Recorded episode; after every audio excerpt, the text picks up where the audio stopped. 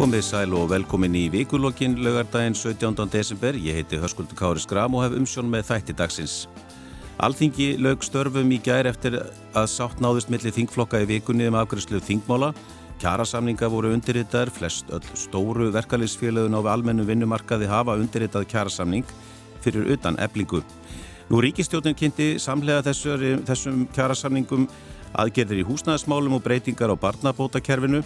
Neytendasamtökin, samkjöndiseftirlitið og fleiri mótmálti í vikunni áformum stjórnvalda um að veita sláturleifishöfum tímabundna undanþáu frá samkjöndinslögum til að ebla matalaframlislu. En hinga til að ræða þessi mál eru komnir Breki Karlsson, formaða neytendasamtakana, Daði Már Kristófesson, professor í Hagfræði og vara formaður og vara þingmaður viðrisnar og svo er Njálf Trösti Fridbertsson, þingmaður sjálfstæðsflokksins að detta í hús en hann er aðeins setn á ferðinni út af færð og snjóðfunga á höfuborgarsvæðinu. En það hefur einmitt snjóað all mikið á höfuborgarsvæðinu nótt. Hvernig gekk ykkur að komast hingað í útashúsið, Daði? Það gekk bara alveg ljómandi vel þakkaði fyrir. Uh, eins og hérna, það geti vittnaði Ragnar Reykjavík svo sagt að minn fjallabill stóði sér bara nokkuð vel í óferðinni. Já, uh, ég breyki, áttur þú einhverjum erfileikum með að Nei, raunin ekki. Ég, við erum hérna búum í, í hlýðunum og, og þetta er svona, við erum hérna í næsta nágrinni og, og ég valdi strætisvagnar leðirnar sem er, eru þær fyrstu sem eru hérna, mókaðar og, og þetta var greitt alla leið. Já, svolítið skemmtilegt að segja frá því. Þetta er svona fyrsti jólasnjórin hér á höfuborgarsvæðinu. Það er nánast bara um leið og alþingi fyrir jólafrí, þá, þá byrjar að snjóa. Er, er þetta ekki það sem við viljum að fá kvít við jól?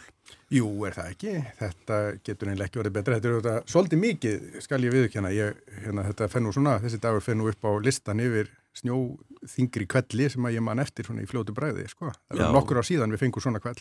Og svo er náttúrulega spáð einhverju hvassveri held ég setnipartin og við getum fengið skafreining og, og skemmtileg heit. Já. En það er nú fáttökulegra heldur en að vera með heitan kakobotla og, og horfa út um gluggan á, á einmitt svona veður. Fjúkið fyrir utan gluggan? Já. En við skulum aðeins vinda okkur í, í stórumálinn. Mér langar að byrja á þessu sem að ég myndist á hérna í inganginum varðandi ykkar gaggrinni neytendasamtakana um uh, þessar hugmyndir sem matalar á þeirra hefur verið, hef verið með sem snerta það að slátuleifishafar fái undan þáðu frá samkeppnislögum. Þetta tengist þessum spretthóp sem var skipaður hérna að stemma á þessu ári eða fyrra á þessu ári til þess að ebla innlenda matala framleyslu. Ja, hvers vegna eru þið svona á móti þessum hugmyndum, Riki? Já, þetta er náttúrulega alveg galið að, að fyrsta hugmynd sem hérna, fólk fái þegar að, að bjátar á í einhverjum atvinnurekstri er að, að slá af samkeppni.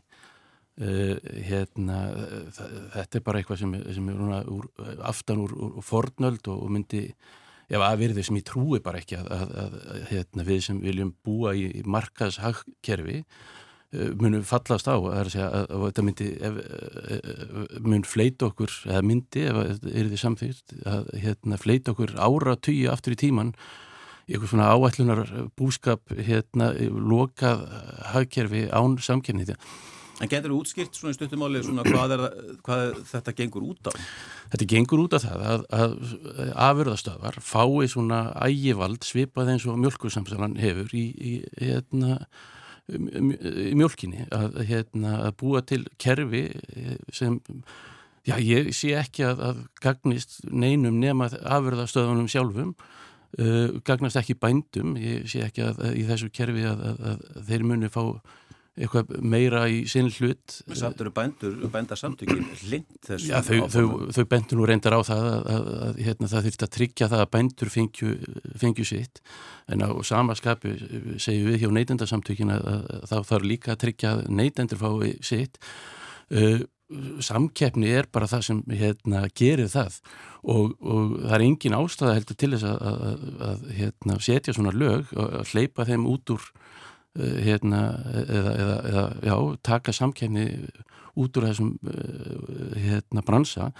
Því að það er alveg heimildir í lögum um að, að hérna með ákveðnum skilurðum sem er um þetta að, að það sé til hagspóta fyrir bændur og, og fyrir neytendur það er heimild í lögum til þess að, að hérna, til samráðus og til samstarfs og, og hérna og, og það, þar á leðandi er þessu lög e, e, þessi, þetta frumvarp algjörlega hérna óþarfi Já, það er ég já, þykist halda að þú sett svona píkulítið sammála gaggrinni neytildarsamtakana í, í þessu? Já, ég, ég verð nú að viðkynna að ég er það og, og sko, uh, það er auðvitað þannig að rökin sem að þarna eru færið fram snúa að nýtingu á fjárfestingum og, og smæð þessara fyrirtækja. Uh, og, og ég skil í sjálfu sér mjög vel að, að, að þessi litli markaður gerða einlega verkum að mann get ekki nýtt hakkvæmni stærðar, menn vilja fá tækifæri til þess að nýta hakkvæmni stærðar. Um, það er hins vegar uh, ekki hægt að mínu viti að, að réttlæta það að meðan að aðhaldi kemur ekki auðvitað, meðan að er ekki samkeppni frá innflutningi að, að uh, víkja frá þessari reglu að við viljum hafa samkeppni til að tryggja hag í bæði framlegenda eins og Bergi kom inn á og neytenda. En þetta er náttúrulega eins og hugmyndin um þennan sprett og þessas vinnu sem hann átti að, að skoða Eh, snerist náttúrulega um það að við vorum með þetta eh, í stríð sem var að hefjast í, í, í Úkrænu og, og eðla fórum enn að skoða eða hver er okkar staða varandi til að mynda fæðuöryggi.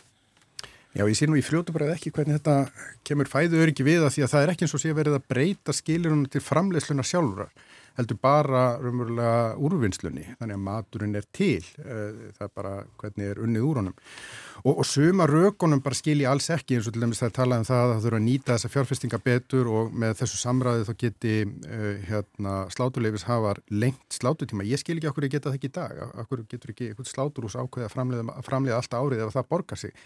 Nú ef það borgar sig ekki, hver á að borga fyrir það? Er, það, er hugmyndin svo að bændur fari með skarðan hlut þá þegar að verður, þegar að verður hérna, þessari framleiðslu, þessari sláturum verður dreift, er það neytendur? Ég bara ég, ég sé ekki hérna haldbæri rökin. Já, fyrsta sem menn hugsa þegar ég, það er talað um undan þá frá samkeppnislögum, þá er það einmitt þetta að, að þetta muni kosta neytendur almenning í, í landinu ef að, ef að það verður vikið frá þessum reglum. Er það svo breykja því óttist að, að verða á, á já, matvælum muni hækka?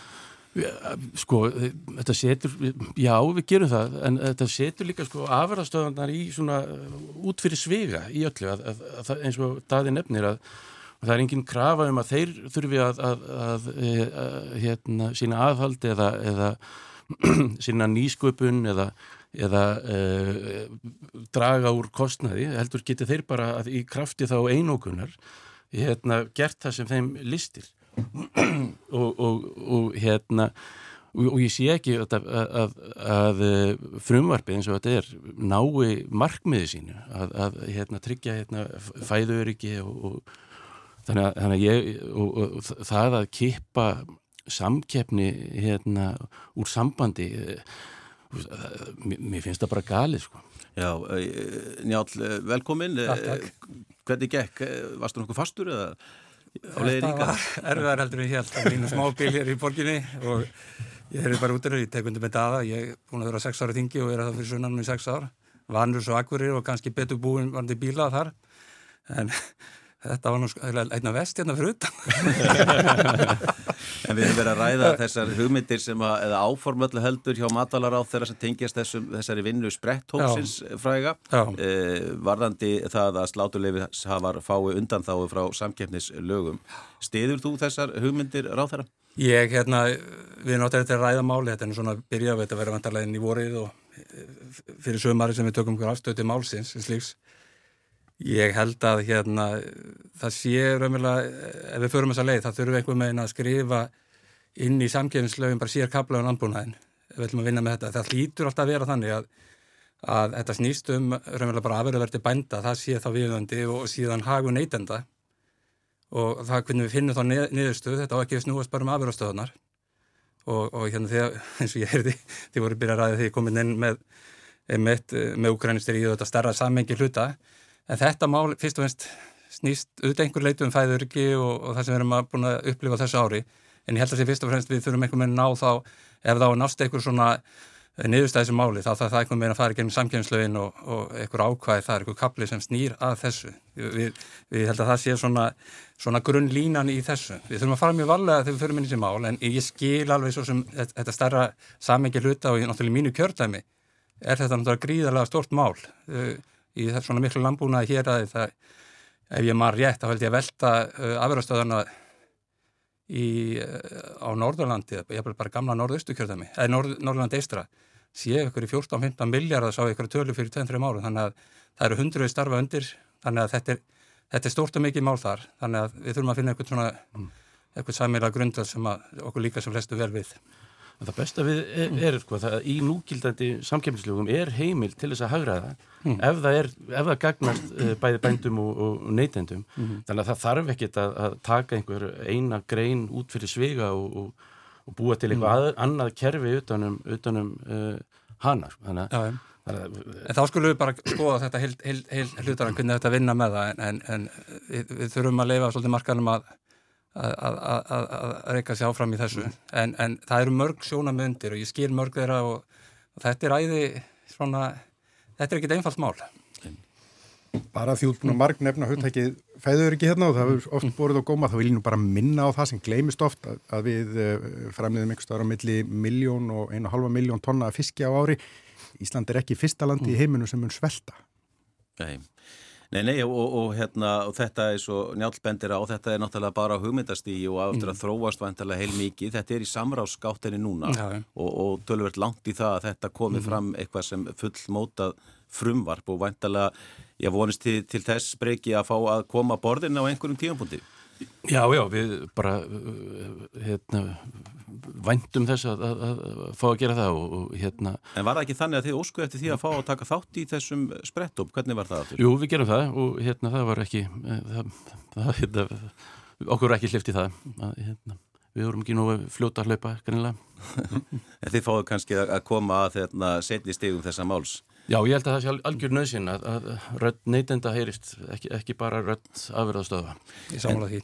En því það hefur náttúrulega breykið að vera sinna öðrum málum líka og, og ansi mörgum og eitt er að, er að því það hefur náttúrulega verið að, að reyka mál fyrir domstólum út af þessum eh, lánaskilmálum, eh, fasteignalána sem varðandi sérst, að það að breytilegi vextir séu ólulegir eh, ykkur, hefur ykkur gerst í þessum málum þá nýlega? Já, nú, það er bara gaman að segja frá því hér að, að hérna Hérastómur Reykjanes komst að þeirri niðurstu að vísa einum máli, einni spurningu til eftir dómstólsins Uh, um, og fá ráðgjafandi álit varðandi, varðandi hana og, hérna, og, og það er þá í kjölfar þess að hérastómur Reykjavíkur uh, vísaði einu, einu máli hérna, líka til eftir dómstólsins. Þannig að það, nú erum við með tvær spurningar sem við, við hérna, fáum vonandi ráðgjafandi álit núna í, í skömmu eftir áramót og, eða, eða snemma í vor. Hvers vegna vil ég meina breytilegi vexti svo við bara fáum stutt að útskýra því? Hvers vegna er þetta ólöfetta eitthvað mati? Sko, við teljum að, að ekki bara fastengalán heldur, heldur öll lán með breytilegu,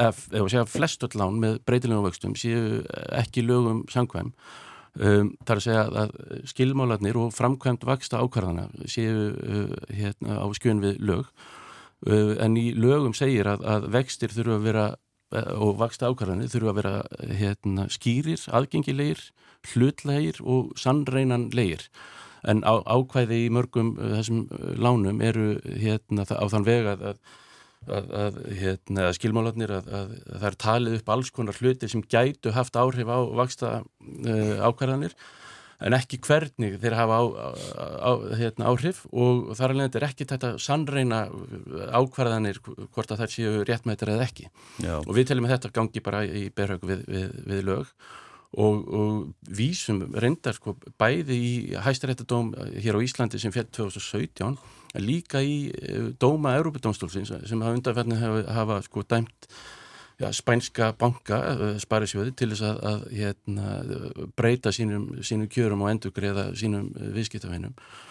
og, og, og já, þannig að við teljum okkur hafa þarna ansi stort mál og hérna, við, það, þetta hefur tekið svolítið langan tíma, við byrjuðum á 2019 þegar við sendum fyrirspilnu til bankana eh, um, um þetta og, og fengum svör en, en, sem voru mjög já, svona, hérna upp í loftið og, og uh, síðan höfum við svona smátt og smátt komaðist að þeirri niðurstu eina leðin til að ná, ná hérna uh, niðurstuð í málið er að vísa þetta í domstóla sem við gerðum í fyrir árið síðan. Og nú er svona stórt skref stíði þegar að, að eftir domstólinn Hann er bara að svara einni spurningu Já, það er tveimur spurningu einu máli gegn Íslandsbank og einu máli gegn Landsbank Já, en er þetta líkil spurning sem, sem Þetta er líkil spurning, hvort að þessi skilmálar sem eru, hérna, hvort að þeir standist Európu tilskipinu og það er hérna erflurreglugerð og það, það er það sem við hérna bara sjáum sem svona, hérna, þegar það svar kemur þá er það bara vendipunktur í, í, í málunum. Geti það að setja allan lánamarkaðin, fastenni lánamarkaðin í uppnám hreinlega ef þetta Já, fer eins og þið óskið eftir? Já, við teljum að þetta minna hafa mikið láhrif og hérna við sjáum það bara að, að, til okkar hafa leitað 2000 manns hérna í vakstamálið og, og fólk getur náttúrulega leitað ennþá til okkar og tekið þátt í þessu með okkur til þess að, að kröfurnar mm. fyrnist ekki. 2000 manns með um 7000 lán og, og hérna við erum að hérna, representera allt, allt þetta fólk. Og við teljum að, að, að bankanir gætu þurft að endurgreiða uh, okkur landtökum já, 20 miljóna Tugi miljarda, tugi miljarda og, og við sjáum það til dæmis í hérna, ársluta upp í Íslandsbanka. Þá hérna, gerir þeir ráð fyrir að, að þeir gætu þurft að, þá leggja þetta til hliðar hérna, 3-5 miljardar uh, bara fyrir eina tegund af, af lánum sem við, við erum búin að vera í málafærlum út af. Og þetta geti haft áhrif á þessa svo kvöldu nýju snjóhengju sem hefur nú verið talað um. Það er að það koma náttúrulega vextir á húsnæðislánum til endurskoðuna núna á næsta ári og, og fara þá allir já, verulega upp á við með að við alla stýrivægsta hækkanir sem við hefum séð undanfæðun misseri. Það er Eh, verða, verða heimilin í, í, í miklum vanda núna þegar líður á næsta ár? Þessi, þessi hópur sem verður fyrir áhrifum og það er það sem er kannski um, erfiðast við stýrverstatækið sem stjórntæki til þess að stýra eftirspurn og væntingum inn í framtíðina að þeir sem verða fyrir áhrifum er til þess að gera þröngur hópur í samfélaginu. Þannig að þó að uh, breyki tali hér um þúsundir þá uh, hérna, er nú rétt að minna á að við uh, Íslandingar teljum hundruðir þúsunda Um, þannig að en svona dómur geti verið fordæmisgifandi al, alveg tvímarlaust og, og, og geti að tilmikið að segja. Að þú talaður um snjóhengjuna þessa, þessa hækkun á, á vöxtum sem voru fastir til einhver skamstíma en, en, en breytast svo í, í stökkum. Um, þar er aftur um fyrir eitthvað þröngan hópa ræða. Og uh, í svona um, sagt, umræðunni í samfélaginu hefur kannski ekki nægilega verið hugsað um, um að raunverulega fellur þessi byrði af baráttunum við verðbólkuna á til þess að gera lítinn hóp af mestu leiti. Eh, það eru þetta mjög alvarlegt mál vegna þess að þessir aðilar geta lendi í verulegum krökkum. Eh, Njálf, stjórnvöld kynntu náttúrulega í vikunni samlega þessum kjærasamningum sem náðust hérna melli mm -hmm. vaffer og fleiri félaga eh, aðgerir í húsnæðismálum. Æ. Það félagur í sér uppbyggingu á félagslegu húsnæði, það verið að endurskipulegja barnabótakerfið uh, og svo alltaf er að hækka einhver tekju viðmið í vakstabótakerfinu sem er nú orðið svona frekar máttlítið mm -hmm. uh, það er svona mjög skipta skoðun á þessu í fyrstu fagnaði stjórnarnanstæðan þessu og svo segðu menn, heyrðu, veitu, þetta er nú ekki eins mikið eins og uh, þið kynntuð þessar aðgerir að þínu mati duga þar mm. til þess að venda þessa hópa sem verða hvað vest úti núna þessi misserinn Já, ég hérna, hvað maður að segja um það? Ég held þetta að vera ágættis svona já, input, eða hvað má ekki segja það í ríkisutörfunu, en hérna ég bara gott að koma inn í kjærasamlingarna og síðan með barnabótauka. En það má örgulega alltaf gera meira og meira, er það ekki alltaf svarið við, við þessu, ég held þetta að vera ágætis yngripp inn í, inn í og, og ítt undir eh, samlinga, kjærasamlingarna með þessi mál, mér finnst við ágætlega gert með barnabótauka, hinn hlutana málunu inn í kjærasamlingarna, bæði á næstu tveimur árum, þá er þetta hvað fyrir miljardar sem kom inn að fjölga töluvert uh, barna fjölskyldum í landinu sem að fá barnabætur, þannig að við sjáum töluvert að viðbútt þar. En uh, ég held þetta sé ágætis bara ágætis mál sko.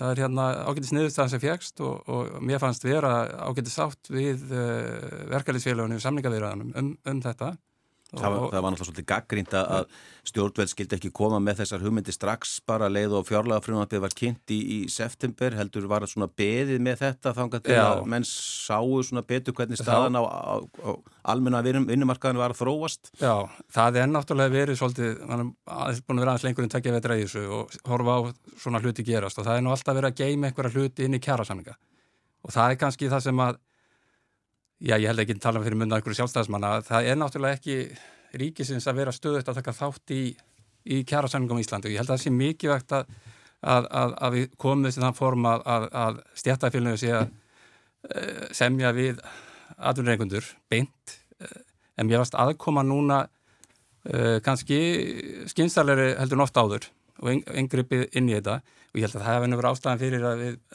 að, að, að ríkistónu vildi bara eiga eitthvað inni inn í, inn í, inn í samningana. En, en það er þekkt bara í sögulegu samhengi á Íslandi. Og, og ég veist sem að Daði vinnu minn hér, prófessor, hefur eitthvað goða skoðan þessu öruglega, og gef mér ekki óvart að vera eitthvað þess að veru líka, en, en við þurfum að finna mótilið þannig að, að, að það, það er atvinningu sem semjaði verkefælisfélagin og, og stjættafélagin og, og við séum ekki með, með stöðu og aðkomu ríkisins að málum, en að, það er hlutverk að sjá um þetta. Já, ég, ég get náttúrulega ekki annað en bara tekið heilsugur undir orð. Eh, Njáls, hérna, það, þetta er alveg 100% rétt hjá honum og, og við getum líka sagt að sérstaklega núna þegar að við erum að reyna að takast á við verbulguna um, þó ég sé nú ekki gamall að þá man ég vel uh, þessi tímabil raunverulegar mm -hmm. verbulgu og, og ég bara minni á hvað tók okkur langan tíma, hvaða var erfitt og hvaða þurfti mikla samstöð til að ná henni niður á sín tíma. Uh, og það að uh, ríkið taki stöðut þátt í því að uh, liðka fyrir samningum er auðvitað mjög skrítið, þetta er yngripp í raunverulega samningamilli engaðila og, og ríkið á ekkert að gera það. Og síst af öllu kannski núna. Það sem ég sakna er að ríkið skuli þá móti ekki auka aðhald í eiginrekstri Eh, vegna þess að uh, ef að þetta koma sem reynar viðbætur við útgjöld ríkisins og ríkið þarf að sækja meira uh, lánsfjármagn og, og eigða ennþá meira um efni fram, já þá erum við einfallega að horfa fram á hægari lækkunvaksta eða meiri hækkunvaksta sem að mun bytna aftur á þessum frekar þrönga hópi. Þannig að um, að mínu viti er þetta því miður e, ekki góð hugmynd uh, og, og, og hérna ríkið ætti ekki að gera þetta jafnaði síst af öllu núna. Uh, hvað ætti ríkið þá að gera? Ætti, ætti bara ekkert að koma, þú segir að ríkið yfir höfuð ekkert að vera að skipta sér að þessu? Þetta er, uh, þetta eru samningar milli enga aðila, ríkið á ekki almennt að koma að þeim, ekkert frekar en ef ég kaupa þér bíl eða ríkið einhvern veginn að fara að skipta sér af því, þá ríkið ekki að skipta sér af því hvernig samiður um kaup og kjöra á almennu markaði. Það eru þetta rosalegt fagnaðarefni að hafi nást samningar. En kæra samningar er náttúrulega skrifaðar og, og undirhittar í ákveðinu umhverfi sem að ríkið náttúrulega skapar að mörgu leiti líka og er þá óðurlegt að ætlasti þess að það komi eitthvað að borðinu þegar... þegar... Ríkið er með þessu að niðugreiða kæra samninga. Þa, það er að taka hluta byrðum atvinnulífsins yfir á sig. Er það heppilegt núna í þessu þensla ástandi? Myndið þú halda að það væri góð hugmynd? og það má kannski bætin í þetta. Ég held að stóra markmiði núna í bara ríkis búskapnum og er náttúrulega ná utanum fjárlögin og bara rekstur ríkisins. Nú vorum við að samtíkja hvað 120 miljardar halla á ríkisjóðu á næsta ári. Við erum búin að fara ekki inn COVID-ið síðan í mass 2020 og, og ótrúlega hérna ótrúlega tíma ríkisfjármáláallin í mass 2020 þá er reiknað í 5 ára fjármáláallin halla ríkisins búið 1000 miljardar. Svo hefur þetta nú gengið miklu betur fyrir, svo við komum hraðar tilbaka heldur en reiknaðum með. Og ég fór nú að hugsa bara leiðinni hérna. Allir búin að gleyma bara þegar Vá fjall í mass 2019 þá voru þetta 30 miljardar eh, svona eh, tekjutapp fyrir ríkisjóð sko. Og við fórum og hlupum til í fjarlaganendinni og það var bara ríkisni í ríkisfjármála átum og hvaðina, svo leiði eitt ár og þá bara kom COVID og, og vandi var tíu sinni stærri á þeim tímapunkti svona fjárhagslega fyrir ríkið og samfélagið og allt þetta samíkiluta mm -hmm. þannig að við erum búin að vera núna í þrjú ár í mjög erfið ástandið sem er náttúrulega megin markmið núna, það er að ná utanum að ná þessu aftur á réttan, réttan hérna, svona réttan stað, ríkisfjármálunum, þannig að ef ríkisfjármálunum er ekki lægi, þá mun okkur ekki ganga vel. Og ég meðst þetta almennt er mjög takmarku umræð á Íslandi um þennan veiga mikla þátt sem er umlega rekstur ríkisins. Og hann sér ekki í einhverju svona jafnvægi. Og það er bara á að vera megin þá er miklu meiri pólitíkur ekki um, um þennan þátt máls og við þurfum að gera betur í allir umræð og það er rétt að halda þessu til haga núna. Það, hérna, ferðarnastu komið tilbaka og, og það, það er hérna viðskiptahalli og, og hafraðprófessum kemur auðvitað inn á þetta, ég vona það, að, að við erum að reyka hérna viðskiptahalla núna gríðarlega mikinn. Og, og þó að ferðarnastu sem skilja sér 95% mun koma náðan 100% tilbaka frá þessum hæst stóð 2017-18 og hún er á um gríðarlega stór þáttur, þetta er 25% af gældinstekjum þjóðurinn að síðustu 12 mánuði. 2017 fór þetta upp í 40-45% náttúrulega mjög hátt og hérna kannski ekki gott til lengndar að við með slíkt. En, en það þarf að setja líka hlutina í svolítið starra samhengi heldur um alltaf að tala um fjálflegin og, og ríkisfjármál þegar að ræða þessum ræð þá getum við ekki verið alltaf í ykkur dægu þrassu um einstök mál dagsins í dag sem, að, sem verða svona hæpuð upp. Nú slett ég enn. En, hérna, en hérna þetta við verðum að hugsa hluti í starra samhengi og til lengri tíma. Og við stöndum ég meina bara vel viða við það sem við erum að sjá í sambriðum mörg Európaríki það er mikið spenna á Íslandi. Það er hlut það er svona fást með vakstastígu og annað. Hagvöxtur á Íslandi í dag 7% ótrúlegu miða við hvað er að gerast í nákvæmdu það er bara ferðarþjónastinu að fara á flegi ferð það er mikið leikingarneysla og, og þetta er allt komið á flegi ferð en við þurfum að taka umræðu sem er miklu meira um þessa grundtætti efnarslýfstjóðurinn og, og, og fjárlögur ríkisins til þess að ná. Þetta ætti að vera miklu stærri umræða í pólitíku Íslandi heldur við um að sjá í dag. Já, ég tek í sjálfu sér alveg undir þetta og það, það, vandamálið, nú hef ég sagt, komið inn á þing sem var að þingmaður um, og hérna setið undir umræðum um fjárlög og það komaði þetta fjölda margar góðar, vel raukstuttar hugmyndur um það uh, hérna, hvað ríkið ætti að verja meiri peningum í. Mjög fáir leggja til uh, hugmyndur um, um, um niðurskur. Ég mann mm. ég fljótu bara ekki eftir neittni, við bara vera alveg heðalegur. Vandamálið er þetta. Ef að ríkið getur ekki afla tekna til þess að standa ströyma þessum kostnaði þátt að velta kostnanum að þessum aðgerðum yfir á kynnslóði framtíðarinnar. Þú veit að skerða getur barnana minna eða getur ríkisins til þess að sinna börnunum mínum í framtíðinni og börnum allra annara. Um, þetta er rosalega auðvelt, það er rosalega auðvelt að lendi í þessu vandamáli. Uh, ábyrðin er þess vegna stjórnmálana að passa upp á það að, að, að halda þessu uh, til haga og, og ég verði að viðkynna, sko, ég hefði vilja sjá meiri aðhaldstilraunir hjá hennu ofnbyrra. Ríkistarfsmunum fjölgaði um 9% frá 2019. Mér geta sagt, já, hér var mikið atvinnuleysi, það þurfti að skapa störf ríkistegin, fínt og gott. En hvað er á ríkis? Núna, núna, núna vantar vinnandi hendur, ríkistafsmunum er enna fjölga. Þannig það er einhver staðar sem, að, sem er skortur og aðhaldi. Og, og ég held að við getum ekki setið hérna og sagt, þið veitir, hér er öll fytan, heldur, er hún dreifið út um allt kerfið það þarf aðhald mjög víða. Þetta er ríkalega leiðilegt og erfitt. Ég er bara algjörlega fulltrúi minnar fræðikareinar hinn að döpur vísinda, segi ykkur því miður, velferðin verður ekki tekin að láni, því miður. Mm -hmm.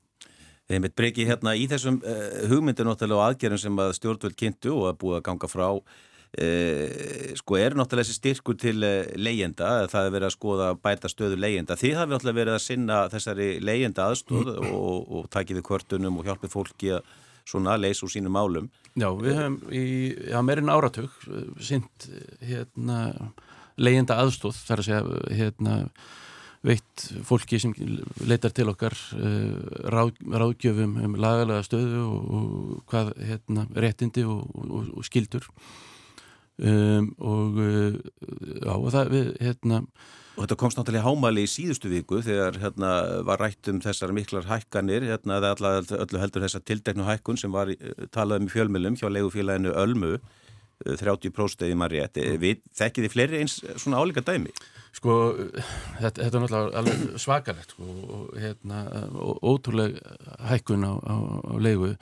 Við, til okkar er að leita fólk sem, í, í ríkari mæli sem er að, að kikna undan hækkunum uh, og, uh, og við svo sem hérna uh, við erum, sinnum ekki svona bytni hagsmannagæslu fyrir, fyrir leyendur almennt, það, er, það eru leyenda samtökin sem eru í mjög hérna, mikill og góðri baráttu fyrir hönd leyenda um þessan hundir en, en við finnum það og höfum séð það og, og við höfum líka farið yfir uh, hérna, leigu skilmála, leigu samninga og, og fundið ímislegt að hjá þessum, og nú nefnir ég ekki nöfn, hjá, hjá stórum eh, le, eh, leigufélugum sem jafnvel stangast á við lög og, og hérna og sem betur verið hafa, hafa hérna, þau séð að sér og, og, og hérna, leðir rétt og lagað hérna, samningarna sínum Nú veit ekki hversu vel þú ert búin að kynna þér þessar aðgerri sem stjórnvöld alltaf grípa til aukin uppbygging félagslegs húsnæðis mm. uh, vakstabætur og, og svona húsnæðisbætur eins og heitir mm. heldur að þetta í svona fljótu bræði og, og, og að þetta kom eitthvað til með að skapa meira jafnvægi á þessum leigumarkaði? Ég hef svo sem ekki kynnt mér þessar tilögur til, til hlítar og, og get svo sem ekki lagt hérna neitt mat á, á, á það sko. En, en, hérna, en þú daði, ertu búin að skoða þetta út frá svona hagsmunum leyenda? Sko, endanum held ég að vandamálinn hérna séu uh, sveiplunar á, á, á íslensku fastegnamarkaði og, og um, þið vitið um, ef við tökum þessa miklu hérna hækkun á fastegnaverði sem að varð í COVID um, að það voru skýringarnar á henni bísna flóknar. Um, á árunni 2019 þá keldum við að Ísland var á leiðin inn í bara svona vennjulega niðursveiflu. Og bankarnir kippaði sér höndum og hætta að fjármagna uppbyggingu fastegna um, þetta þekkja menn sem eru á, á, á byggingamarkaðinu síðan þegar við síðan þegar að, að, að Sæðlabanki í Íslands eins og margi Sæðlabankar hleypir meira fjármagni inn í samfélagið til þess að reyna að örfa uh, starfsemi þá fer hann mjög mikið til einstaklinga uh, af því það eru örgir skuldarar, það er mikið meiri óvisa í rekstri fyrirtækjana og þú fer þetta ójapvægi, mjög lítið frambóð, mjög mikil eftirspurn. Um, við þurfum að, að reyna að draga úr þessum sveiplum og, og það væri mjög óskandi, ég veit að hljómar kannski að því við erum að tala um hérna kjör leyenda, leikumarkarinn í Íslandi þyrst að verða miklu stærri. Þannig að þyldi betur óverulega sveiblur uh, hvernig við gerum það síðan það er ekkit alveg einfalt mál, það er hægt að fara ímsa leiðir en uh, enga svona eignar stefna stefnan þarf kannski við þurfum að þess að endur skoða hana, sjá hvort að við getum ekki fengið betri balans í þennan markað þannig að fólk hafi valkost og sá valkostur sé ekki ósangjarn og sveiplukendur. Það er oft sagt sko þegar ríki kemur með eitthvað inn eins og hækkun húsnæðisbóta þá bara skiliði skili þetta sér ekki til endilega leyenda eða bættri stöðu þeirra heldur Nei. fari bara beint inn í, í leigufélagi. Já, en, þa en, þa en þá erum við aftur að tala um að því markarinn er svo þunnur. Það er, það er svo lítið frambóð mm. og, og uh, við þurfum eitthvað sem stiður meira undir svona langtíma uppbyggingun á þessu sem valkosta. Það hefur náttúrulega ímislegt verið rætt hérna. Um, ég vil minna á þetta höfum við gert í sögunni Uh, og, og allskinn svona millilausnir, ekkit endilega bara félagslega lausnir heldur, heldur svona alls konar sambland, árbærin og breyðholti voru byggð upp meir og minna með alls konar svoleiðis uh, hérna yngrippum uh, með aðkomu ríkisins og án, með aðkomu stjættarfélag og án, með aðkomu þið vitið ímis aðila. Um, fyrst og fremst held ég að, að stöðuleikin skipti þarna máli vegna þess að húsnæðisverð er rosalega trekt niður, það er svakalega duglegt upp en rosalega trekt niður. Og, og það er óheppilegt að, uh, að, að það komi svona fróða í, í fastegnaverð vegna þess að það þýðir að heilu kynnslóðunar hafa ekkert þegar það er detta enn á markaðin uh, ég skoða þetta mjög vel eftir hrunnið uh, og, og það sem mér síndist var að á endanum er hagurðin á íslensku fastegnamarkaði snýst fyrst og fremstu um það hvenar kemur inn á hann. Og, já, já. og þá meina ég ekki á hvaða aldri heldur á hvað árabili. Já, bara reynilega bara eins og þú veist bara annarkot hefðinni óhefn. Já, einhver er í hefnu kynnslóðinni, einhver annar er í óhefnu kynnslóðinni. Mm -hmm. Bara svo ég tæki dæmi og þetta þekkjum við þetta, fóreldra kona minnar voru í hefnu kynnslóðinni með neikvæða raunvexti og þið vitið. Fóreldra mínir eru í fyrstu kynnslóðin eftir verðryggingu. Mm -hmm. Ég man eftir þeim árum af mm -hmm. saltlausum grautum. Mhm. Eh, þetta höfum við séð aftur og aftur og aftur og, og semst núna erum við þá að horfa á kynnslóð sem að umverulega eru eldstu börnin mín að fara inn á fastegnamarkað sem er alveg hríkalega ósangjan og svo hugsanlega gengur þetta eitthvað tilbaka og næst þið viti, en viljum við hafa Íslands samfélag þannig? Að það sé bara einhvern veginn lotteri hvort að þú berjist í bökkum meir og minna í lífinu eða það verða fínt? Mér ekki. Þetta náttúrulega hækkaði rosalega mikið hérna á árunum fyrir hrun, svo náttúrulega fröys markaður hérna eftir, bank, eftir bankarhunnið og hérna og þá komum margir inn á markaðin sem voru að kaupa réttum tíma því að síðan þá hefur húsnæðisverð tvöfaldast ef ekki þrefaldast. Þannig að eins og þú segir þetta er bara spurning um tímasætning Já og, og, og, og svo er það hitt sko. Þetta þýður auðvitað líka að, að við þurfum að fara mjög varlega í þessum, á þessum litla markaði í að skapa sveiblur vegna þess að hann er sveiblukendur í eðlinu. Og sveiblurnar eru rosalega neikvæður, miklu neikvæður en við einhvern veginn viljum viðkenna. Og þetta kannski núna sem gerist hjá okkur með einmitt í gegnum COVID-ið Við Íslandinga heldur bara, það var við eins og Sælabankar heimsins lækkuðu vexti og annað, við fórum náttúrulega mjög langt niður og svo getur við verið með eitthvað eftir áskýringar sem ég ætla ekki að leifa mér, ég frekar almennt ekki hallurundið þær, en vexti fóru mjög langt, langt niður hjá okkur og uh, fólk hugsa, fó bara inn á hana markað greinlega uh, að miklu leiti og uh, það er með þessa miklu sveiplu sem er, hafa orðið einmitt í stýrifustum Þelabankans á þessu síðustu tíðanbylum og hvernig það þróaðist allt. Við einhver meginn í mass 2020 það áttu við raunlega kannski mörg okkar minnstakosti þegar maður satt í fjárlæðan en þú var að hugsa næstu árin. Það var, voru býst, þetta var svört sín sem maður voru að upplifa í, í mass 2020 þegar mikið ákvörðum og tekna varandi framhaldið. Hvernig við ætlaði að fara inn í, í COVID-ið og á mörgu leiti fór þetta bara miklu betur, þetta var skrítið sjálfur hugsið ykkur að kaupmáttu var að aukast á Íslandi í, í COVID-inu. Það segir í allt um það hvernig við voru, Viðskipta... við hittum ekki, alveg, hittum ekki alveg á þetta jafnvægi að því leiti. Það var viðskipta afgangur í gegnum allt. Já, já, sem er bara, þú veist, þetta er allt mjög fyrðulegt sko, en, en, en, en auðvitað leggjum við Íslandinga mikið í ferðarlög og, og, og, og þannig en ferðunist ekki akkurat þarna þannig að það var, menn áttu mikla fjármunum sem söfnust upp í ímsaneyslu og húsnæði og með voru að kaupa bíla og annað og svo sjáum við núna bara við erum einhvern veginn á allt öðrum stað akkurat þessum tímpunkti heldur en bara við erum lítið til Evrópu mjög viða það sem eru allt, mjög stór vandamál tengstríðinu, aðfangakeðjum Uh, náttúrulega raforkukrísan í Evrópu og, og 7% af, af innan Evrópusamsins að verðbólgunum þar er bara núna raforkan og, og hækkun orkukostnaði. Þannig að við eitthvað með fljótum svona í svolítið öðruðsi uh, tempói núna í gegnum þetta.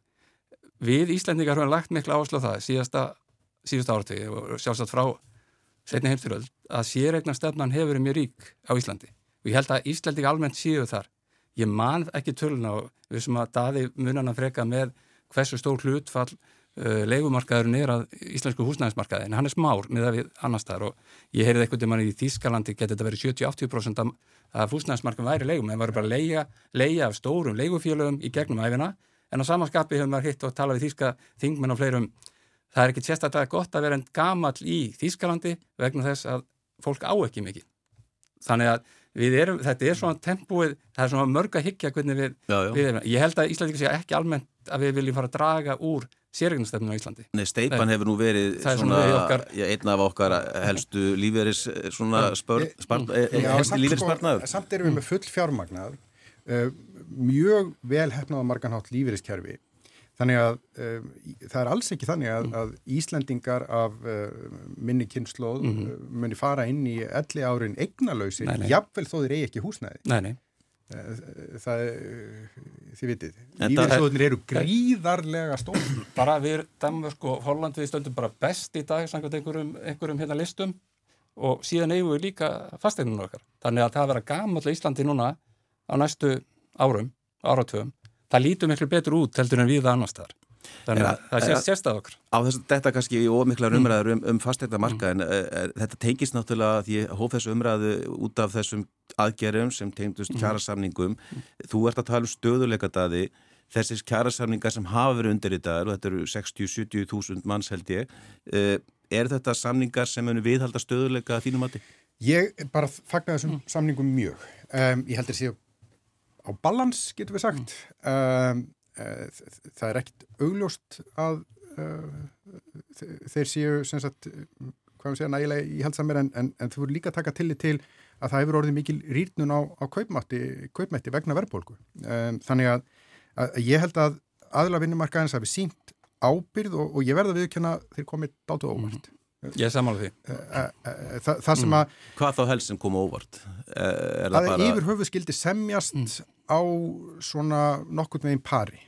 Þeir eru ekki, held ég, augljóslega verðbólku kvetjandi. Þetta er náttúrulega skamtíma samningar þeir, Já, það er bara eðlilegt það, gat, það var raunverulega ekkit annað á borðinu af því að á endanum snýst þetta um það næ, tekst okkur að nánuðu verðbólku takist það um, þá, þú veist blasir við allt hennur mynd heldur en ef okkur tekst það ekki og þess vegna skilir mjög vel að þeir sýttu skamstíma það, það var öruglega ekkit annað á borðinu mm -hmm. En þeir eru, þeir eru frekar ábyrgir. Eh, vandamálin í mínum huga eru fyrst og fremst eh, þensla hjá hennu ofinbæra Nákvæmlega, því að gott þú skildi segja þetta því ég ætlaði að beina næstu spurningu að breyka mm. í tengslu við kjærasamningana Laun eru vissulega hækka. Eh, það var fjárlegur afgriðt í gær. Í fjárlegum eru flatar skattahækkanir 7,7% á ímisgjöld uh, og svo er náttúrulega Reykjavíkuborg að tilkynna niðurskurð og hækkun líka. Heldur þú breykið þessu verður bara öllu velt út í verðlagið og, og, og, og þar alvegandi sko, sjáum við fram á frekari kaupmáttar rýrnun? Já, neytansamtökin eh, hérna setja yfirleitt ekki fram umsagnir um, um fjárlög. En við vorum knúin til þess að setja fram umsagnum um frumar til fjárlaga í ár að því að þetta eru fyrstu fjár, fjárlögin sem við vitum til það sem var uh, tillaga uppi um að verðtryggja uh, hérna kostnað eða, eða hérna, öll, öll krónutölugjöld og, og, og, og totla og þvílut og bara það í sjálfu sér er verðbólgu kvetjandi mm. og hérna er rauninni eh, hérna því við vorum að tala um hagkerfi sko og svona ég held ég hef oft talað um það að, að, að hérna, við búum í svona alkoholista hagkjæði við elskum fylliríð við, sko, og, og allir vilja taka næst alltaf ég að vera með í djáminu af því það er svo gaman en svo kemur þingan alltaf í hausina okkur og við séum, ah, ég aldrei aftur aldrei aftur, svo reymum við okkur skóna og, og hérna förum við á næsta ball. Og þetta er svolítið svona hérna Ég held að úst, við sem svona aðeins eldri erum, erum orðin svolítið þreytt á þessu. Og, og hérna, við hefum heimtingu á að, að fá bara stöðuleika hérna svona miðaldra hérna stöðuleika sko. Ég vil þetta fyrst og fremst fremst fyrir börnum Já, en ég er að segja það sko, að, bara há ekki aðláðu upp í að þetta sé góð ná, Nákvæmlega. Þetta er náttúrulega nánast í orða ásins miðaldra stöðuleika Í, í hagkerfið sko. Já, já, já, en, en náttúrulega við erum náttúrulega ungt eh, hagkerfi og svo leiðis kannski þurfum við að og gæsa að hlaupa af okkur hortnin en, en nóg er nóg, nú skulum við fá stöðuleika Ég vildi bara segja, sko, króntöluhækkanirnar það er þegar búið að velta þeim út í hagkerfið. Þetta eru bara hækkanir á uh, kostnaði við alls konar þjónustu sem bara, bara komnar út. Já, já, ok. Njál. Þegar maður satt í fjárlaganendinu þá var um þessu spárum krónu töluhækkanir og annað og hvernig þetta spá, hvernig þetta færi nú allt saman á þetta, í fyrra í maður rétt þá var bara 2,5% eh, það var undir verðbólgunni fyrra bara svona til að setja eitthvað samengi þannig að menn ríki fór ekki alla leiði í, í, í, í fjárlugin eh, eins og kannski núna. En núna eru við auðvitað, það er bara rosalega ánægulegt að, að núna, það sjáum við hvað við þróast hjá okkur frá 2011, cirka eftir hrun og í framhaldin, þá hefur við, hefur búið við til til að lága verðbólgu í landinu, svona sögulega, þetta er svona svolítið annað tími heldur við en kynst áratöðun undan. Og, og það er bara mjög helbilselti fyrir alla að við skiljum mikilvægt þess núna, hvað er mikilvægt að verðbólka sé lág og öll vitund bara fyrir verðlægi annað eins og ég þess að breki sé að maður missir algjörlega tökin á, á hérna fylgjast með þegar að verðbólka fer upp í 10%. Það var svolítið erfitt svona vitundi fyrir mjölkulítranum og öllu þessu. Þetta er svona aðeins, en þegar þetta er búið að vera eins og við erum búin að vera með 2-3% í, í 10-11 ár, þá ertu miklu tengd að maður tekur eftir því, þeir voru að hækka þetta hérna, það sem ég er búin að kaupa gegnum árum, maður fór að hugsa eitthvað annað. Mm. Þannig að þannig virkar hann samkjörni. En væri það, væri það kannski svona letjandi fyrir mm. kaupmenn og aðra að hækka gjöld og, og, og verð á vörum ef við, skild, bara, mm. ef við myndum mm. bara hreinlega verðtryggja laun?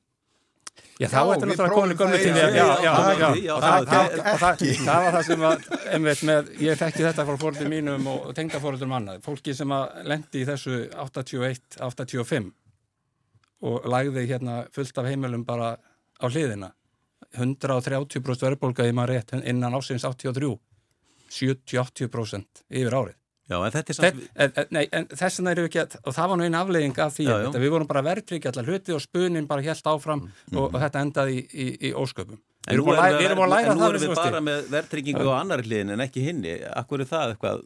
Já, við, við sjáum það sko, það, hérna, bara, þar sem haugvöxtu ríkir, þar, þar hérna, hækka laun yfir langan tíma, ekki, mm. ekki á sama tíma, en það hækka umfram laun, nei um, umfram verðbólku, þannig að Það, það hefur sko, hérna, við tökum launavísitöluna frá hérna 81 eða 3 þegar við hættum þessu mm -hmm. og, og, og, og leggjum mann saman við verðlagsvísitöluna hérna, frá sama tíma þá eru launin eh, hérna hafa þau að hækka mun meira mhm. heldur en mm -hmm. heldur sem nefnir verðlæg þannig að við skulum ekki hérna fara í að verðlækja launin það myndir bara halda þeim niður sko. Mikið veit að koma að sinna með þetta sko, og það getur bara vel verið að fyrstu höfum hafraðprofessorina með okkur mhm.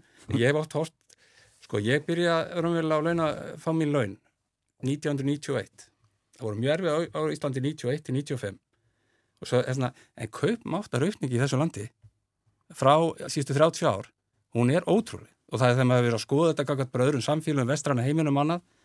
Og, og þá eru við að tala um bara kaupmáttu samfélaginu og það sem er svo sérstakt að núna í COVID árunum og það sem við komum að sinna á þann þá hefur vandar kaupmáttur í Íslanda aldrei verið herri fyrir fólki í landinu og þetta er svo sérstakt sko staða, núna náttúrulega kemur þessi mikla verðbólga og það dregur hans úr, en við verðum að hafa í huga að þeir tíma sem við erum að lifa núna til að hafa með þetta stærra samingi hluta þegar maður er að hugsa um efnaðasmál að þeir hafa sjálfna verið sko kaupmátur fjölskyldinarlandinu hefur sjálfna verið meiri heldur en akkurat núna. Já, mm. í mínu fyrra lífi þá reiknaði ég þetta mitt út hérna, sett, í, í, hérna þegar vísitalan neysluverðs var fyrst framkvæmt hérna á sínum tíum fyrir, fyrir ég man ekki hvernig 1930 eitthvað þá fór 90% af ráðstofunartekjum fólks mm. í mat og húsnæði mm -hmm. 10% í allt, eitthvað allt annað Núna er þessi hérna, matur og húsnaði komið niður fyrir 50%. Þannig að allt annað er í rauninni aukin hagsælt innan gæsarpa. En aftur á mótið, þá er þetta náttúrulega meðaltalstölur og meðaltali, sko, ef þú ert með aðra löpun í heitu vatni og hinn í köldu, þá hefur það meðaltali gott.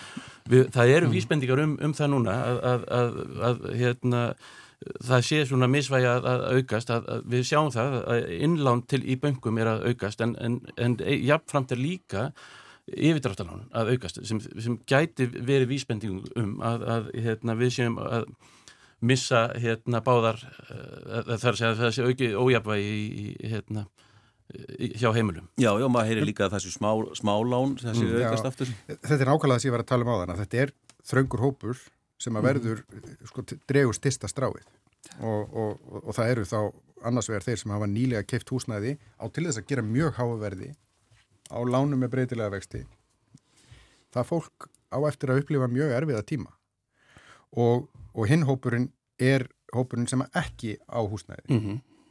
og, og þannig við getum sagt að eins og ég var að segja það á þann að, að, að það sem hérna ræður afkomið inn í lífinu á Íslandi er varstu heppin eða óheppin á húsnæðismarka Og, og, og, og ég bara svona persónlega mm. mér finnst það ekki sangjan mér finnst mm. það ekki gott samfélag af því, því þarna er einhver þið veitir eitthvað fólk sem við erum að dæma til uh, ára langrar örbyrðar raunverulega bara vegna þess að við getum ekki haldið almennilega stöðuleika hérna. Mm. Já, og það er ríki sem á að koma inn í það og, og já, já. þess vegna kannski skiptir máli að, að, það, að það hafi einhver aðkoma að kjæra samningum, en fannst þess að Nei, ég, en... já, sko, ég er nefnilega ekki sammála því ríkið á fyrst og fremst að horfa á stöðuleikan sjálfan og, og núna er tími til að draga saman af því að Eh, það er ekki nómið að, að, að áframhaldandi hallaregstur á ríkisjóði og áframhaldandi lántakaríkisins uh, skapi þenslu af því þessum peningum er öll með eitt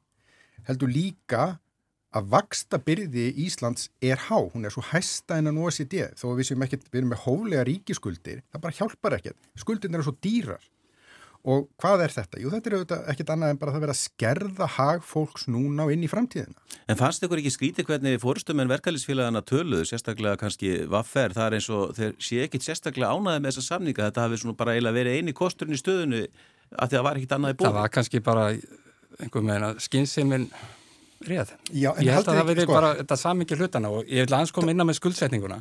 Ég held að skuldsetning í Íslenska heimili núna sem sé líka mjög lág í öllu sögulegum samhengi og, og þannig að, að, að við erum með háan kaupmátt. Skuldsetningin er tilturlega lítil á íslenskum heimil núna í allir þessu sögulega samhengi. Þess vegna var ég að segja á þann að við erum ákveðin tímum núna þar sem að, að kaupmáttur er mjög sterkur. Uh, varðandi síðan kjara samlingar, ég bara teku undir það sem er að koma í þessar umræði hérna með og sagði á þann það hljóta allir, það hlýtur að vera megi markmiði höllum, það er að viðhalda kaupmáttinum það er að ná verðbólgunni niður sem að stríðið náttúrulega hefur ítt undir og alls konar kreppur og aðfangakeður og gegnum COVID og síðan stríðið. Þetta lítur bara að vera grunnatriði fyrir allt og alla þessu samfélagi á næstu 2-3 árum. Það tekur tíma en við erum búin að vera á mjög erfiðum tímum frá því mass 2019 og, og þannig að þetta er á langu tímpil. Hugsa ykkur það eru fjögur ár núni í mass síðan var fjall og þetta er búin að vera, byr, þar byrjaði þetta mm. og síðan, síðan inn í COVID. En bara svona aftur að þessum með kjærasamlingana. Alltaf þegar öll samfélag sem hafa þurft að takast á við það að raunverulega fjárfesta í stöðuleika hafa þurft að gera samningar sem eru nákvæmlega eins og þessi samningar hér og einhvern tíma lærði ég fyrir mörgum árum síðan var mér sagt að það væri til þrjár gerðir af samningum samningar sem allir væri ánæði með það eru frábæri samningar mm. samningar sem allir væri óanæði með það eru næst vestu samningarnir mm. vestu samningarnir eru samningarnir sem sumir ánæði með og það eru óanæði með Verbulgusamningar, samningar við, við skilir eins og þessi hér, eru alltaf samningar sem allir óanaði með. En það eru samt næst bestu samningarnir vegna þess að engir aðrir er í búið. Njátt, hérna, ég, ég verð nú eiginlega að fá að spyrja þig aðeins út í þessar hugmyndir sem þú hefur verið að flagga hérna undanförnu varandi varaflugvellina. Þetta er svo kallar varaflugvallagjald, 200 eh, krónur sem er að leggjast á flugmiða til þess að fjármagna þá uppbyggingu eða viðhald varaflugvall á Íslandi. Mm. Er staðan orðið það slæm að við þurfum að grípa til svona aðgerða?